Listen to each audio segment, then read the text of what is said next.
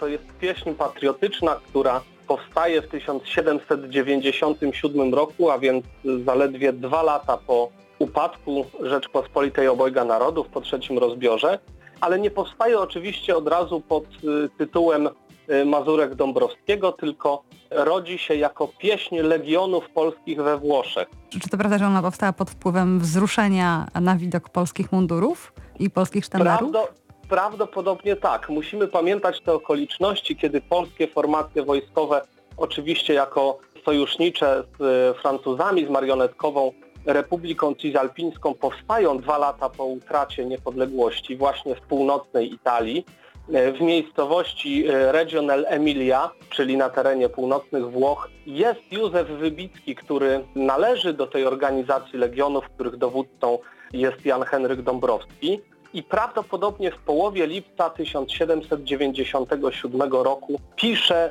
słowa pieśni Legionów Polskich i oczywiście dzieje się to rzeczywiście pod wpływem chwili, chcielibyśmy powiedzieć. E, Wybicki zaczyna pieśń od słów jeszcze Polska nie umarła, kiedy my żyjemy, bo widzi to, że rzeczywiście to polskie wojsko się odradza. Mamy polskie mundury, orły, sztandary, odradza się formacja wojskowa, która o tę niepodległość ma walczyć od nowa. Te polskie ta, symbole, ta, ta polskie sztandary, e, to była sytuacja, kiedy nie mamy państwa, nie można tych symboli eksponować, no więc kiedy jest takie nagromadzenie, to to musiał być naprawdę wzruszający moment. Tak, oczywiście ta, ta kwestia symboliki narodowej w momencie, w którym e, nazwa Polski została wymazana z mapy Europy jest bardzo istotna myślę, że tutaj też duże znaczenie odgrywa ta tradycja, która ukuła się w ostatnich latach istnienia Rzeczpospolitej Obojga Narodów, tradycja Konfederacji Barskiej, później wojny polsko-rosyjskiej, ale też i pamiętajmy powstania kościuszkowskiego, które chociaż zakończone klęską, to jednak wniosło ten idiom nieumarłej Polski, mhm. walki o niepodległość, walki o tradycję, o wiarę, o te ideały, których Polska stała się symbolem między innymi ideał właśnie wolności, ale także tolerancji, wzajemnego szacunku i równości e, obywateli Rzeczpospolitej i w te ideały trochę oczywiście wpisywały się w e, rewolucję francuską i w wojnę, jaką Francuzi rozpętali ze znaczną częścią, w zasadzie z większością Europy w końcówce XVIII wieku. No więc jesteśmy we Włoszech, e, jest lato. Józef Wybicki widzi te mundury, orły, flagi, sztandary, przypełnia go wzruszenie. Myślę, że też duch patriotyczny jest tam no, wręcz namacalny ze względu na e, ilość e, żołnierzy zebraną. I oni potrzebują jakiejś swojej pieśni. To w ogóle ciekawa sprawa, ponieważ mimo, że Mazurek Dąbrowskiego jest naszym hymnem już od blisko 100 lat, na pewno o tych okolicznościach jeszcze powiemy, to my dzisiaj nie jesteśmy w stanie z pełnym przekonaniem podać daty napisania tego utworu. Możemy tylko tak ogólnie mówić o, o pierwszej połowie lipca 1797 e, roku i właśnie tym środowisku legionowym w Regione Emilia. Mało tego, znamy autora tekstu, którym jest Józef Wybicki, ale do dnia dzisiejszego nie udało się ustalić, kto jest autorem melodii. Mówi się oczywiście o tym, że to jest melodia o pochodzeniu ludowym, nawiązująca do tańca Mazura, troszkę bardziej poważniejszego e, niż ten tytułowy Mazurek. Były przypuszczenia, jakoby melodię miał skomponować e, znany kompozytor e, polski, książę Michał Kleofas Ogiński, ale te koncepcje upadły, także dzisiaj możemy mówić, że melodia jest anonimowa. Mamy natomiast informacje na temat pierwszych wykonań pieśni Legionów Polskich we Włoszech i prawdopodobnie takie pierwsze wykonanie mogło mieć miejsce 16 lipca 1797 roku, kiedy ulicami Regional Emilia przeszła defilada legionistów polskich.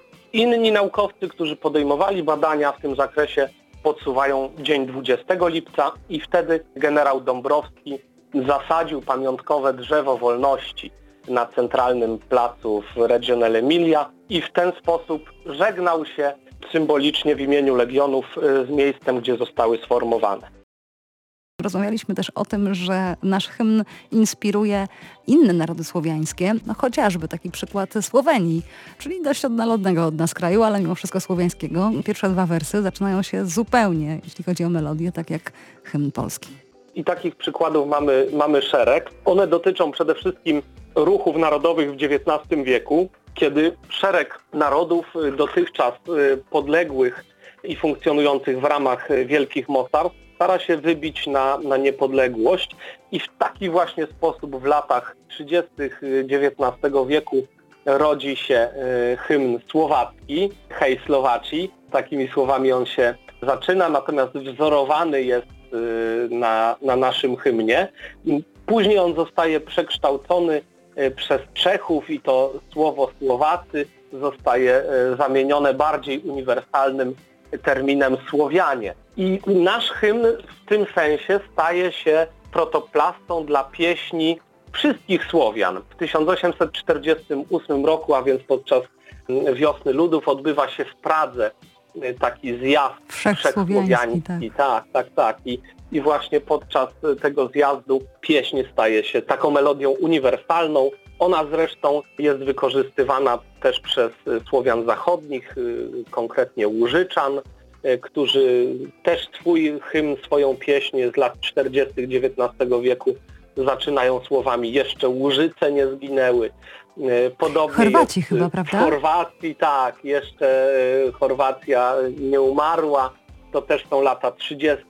No i dzisiaj może mniej się o tym mówi, ale również tekst ukraińskiego hymnu narodowego z lat 60. XIX wieku to też jest przykład tego, jak polska pieśń patriotyczna, narodowo-wyzwoleńcza staje się pierwowzorem dla innych narodów, dla, dla narodów sąsiednich, bo tam też mamy tekst Jeszcze nie umarła Ukraina. Więc nie tylko w warstwie melodycznej, ale, ale także w warstwie literackiej, tekstowej to są słowa bardzo chwytliwe. Hymn nas jednoczy w różnych sytuacjach, nie tylko tych bardzo oficjalnych, ale na przykład w sytuacjach sportowych. O tym też rozmawiałam z doktorem Andrzejem Gładyszem. Te momenty, w których się jednoczymy, w których wspólnie kibicujemy polskiej sprawie, czy to przed telewizorem, czy na stadionie. To są wrażenia niezapomniane, kiedy mamy możliwość wysłuchania czegoś, co łączy z sala 50 tysięcy osób równocześnie i, i to na pewno są chwile, które warto przeżyć i, i jeśli ktoś je przeżyje, to zapamięta, myślę, do końca życia. Natomiast e, tutaj też oczywiście my może śpiewamy trochę mniej niż inni Słowianie i myślę, że też cały czas nam brakuje takiej ogłady w wykonywaniu hymnu, to znaczy posługiwania się takim swoistym savoir-vivre, który e, z tą pieśnią się powinien kojarzyć, to znaczy przybranie odpowiedniej, godnej postawy. Jeśli to jest możliwe, to oczywiście postawy stojącej. Mężczyźni powinni odkryć głowy, a jeżeli są przedstawicielami służb mundurowych, to oddać honory do orzełka, który jest na czapce i w tym sensie hymn polski jawi nam się jako bardzo istotny symbol narodowy, który należy otaczać taką samą czcią jak y, godło czy flagę. No i też myślę, że ważne, że jeśli jest śpiewany wspólnie, to też staje się no, czymś w rodzaju takiego bytu duchowego. Y, to, to jest to bardzo interesujące, kiedy właśnie wiele osób wykonuje wspólnie piosenkę i nagle jest takie poczucie zjednoczenia, y, zwłaszcza w przypadku nie piosenki, a pieśni, jaką jest hymn. Tak, i to pieśni o tym uroczystym, pochwalnym charakterze, w tym przypadku pochwalnym, e, chwalącym ojczyznę, jej tradycję, historię naszych przodków, bo takie postaci w treści hymnu się przewijają. I to budowanie wspólnoty, o którym Pani mówi, budowanie jedności, to naprawdę niesamowicie istotne kwestie.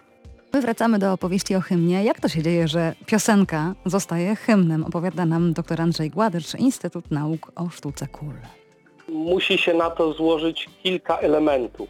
Po pierwsze to jest ładunek emocjonalny, czyli to nie może być pieśń jakaś po prostu. Generalnie jakbyśmy chcieli przyjąć sobie taką naukową, e, historyczną, muzykologiczną definicję hymnu, to powiedzielibyśmy, że to jest uroczysta pieśń pochwalna, ale o jej uroczystości i o tym, co lub kogo chwali, decyduje tak naprawdę funkcja nadana przez społeczeństwo i niekoniecznie z góry pomyślana przez autorów. I tutaj wydaje mi się, że taką historią mamy do czynienia, to znaczy Wybicki pisząc pieśń Legionów Polskich niekoniecznie myślał o tym, że pisze hymn dla formacji wojskowej albo pisze hymn dla ojczyzny, która odrodzi się po 123 latach niewoli. Warto tutaj zwrócić uwagę na to, że piosenka po prostu przyjęła się wśród legionistów. To znaczy oni sami chętnie ją śpiewali.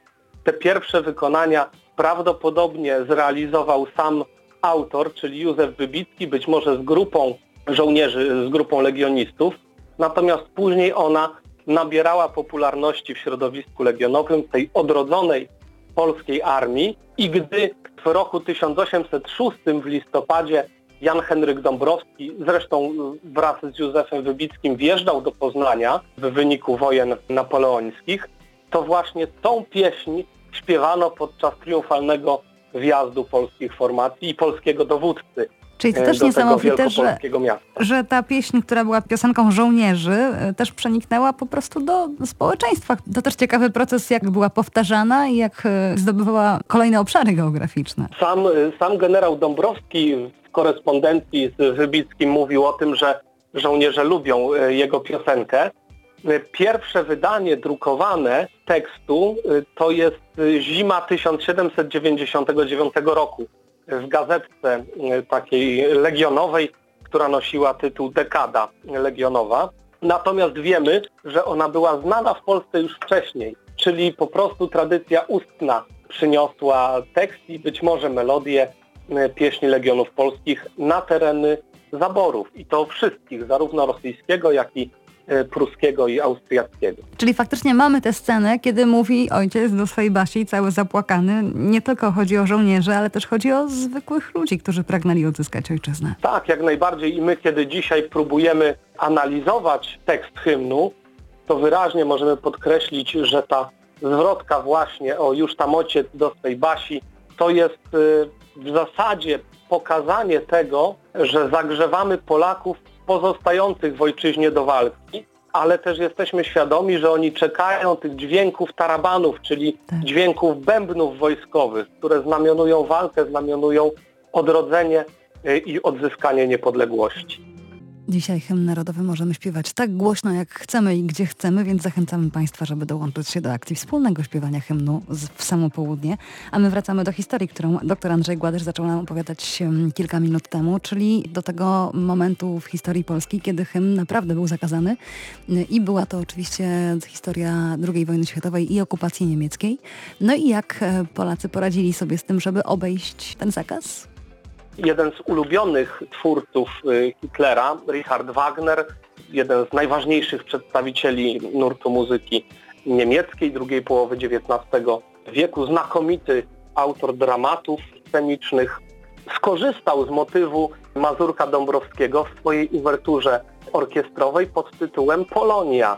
I to było dzieło powstałe w 1836 roku pod wpływem i, i wielkim pozytywnym wrażeniem, jakie emigranci z terenów Polski po powstaniu listopadowym wywarli na kompozytorze, na Richardzie Wagnerze. Czyli w czasie okupacji ten fakt mógł być wykorzystany i na przykład ten motyw muzyczny mógł być odtwarzany? Dokładnie tak, nie można było zagrać Mazurka Dąbrowskiego, dlatego grano uwerturę Wagnera Polonia, w której motyw Mazurka się przewijał. Zresztą też ciekawa historia związana właśnie z y, hymnem Polski, bo Węgrzy, sojuszniczy Niemiec, których jednostki stacjonowały w Warszawie w czasie powstania warszawskiego, również dla warszawiaków w trakcie powstania orkiestra wojskowa jednej z węgierskich dywizji odegrała Mazurka Dąbrowskiego. Pamiętamy to przysłowie XIX-wieczne Polak-Węgier, dwa bratanki. Czyli jako E, poparcie? Tak, jako wyraz sympatii z walczącą Warszawą, mimo że formalnie Węgrzy byli sojusznikami Niemców, którzy oczywiście to powstanie warszawskie tłumili jak mogli.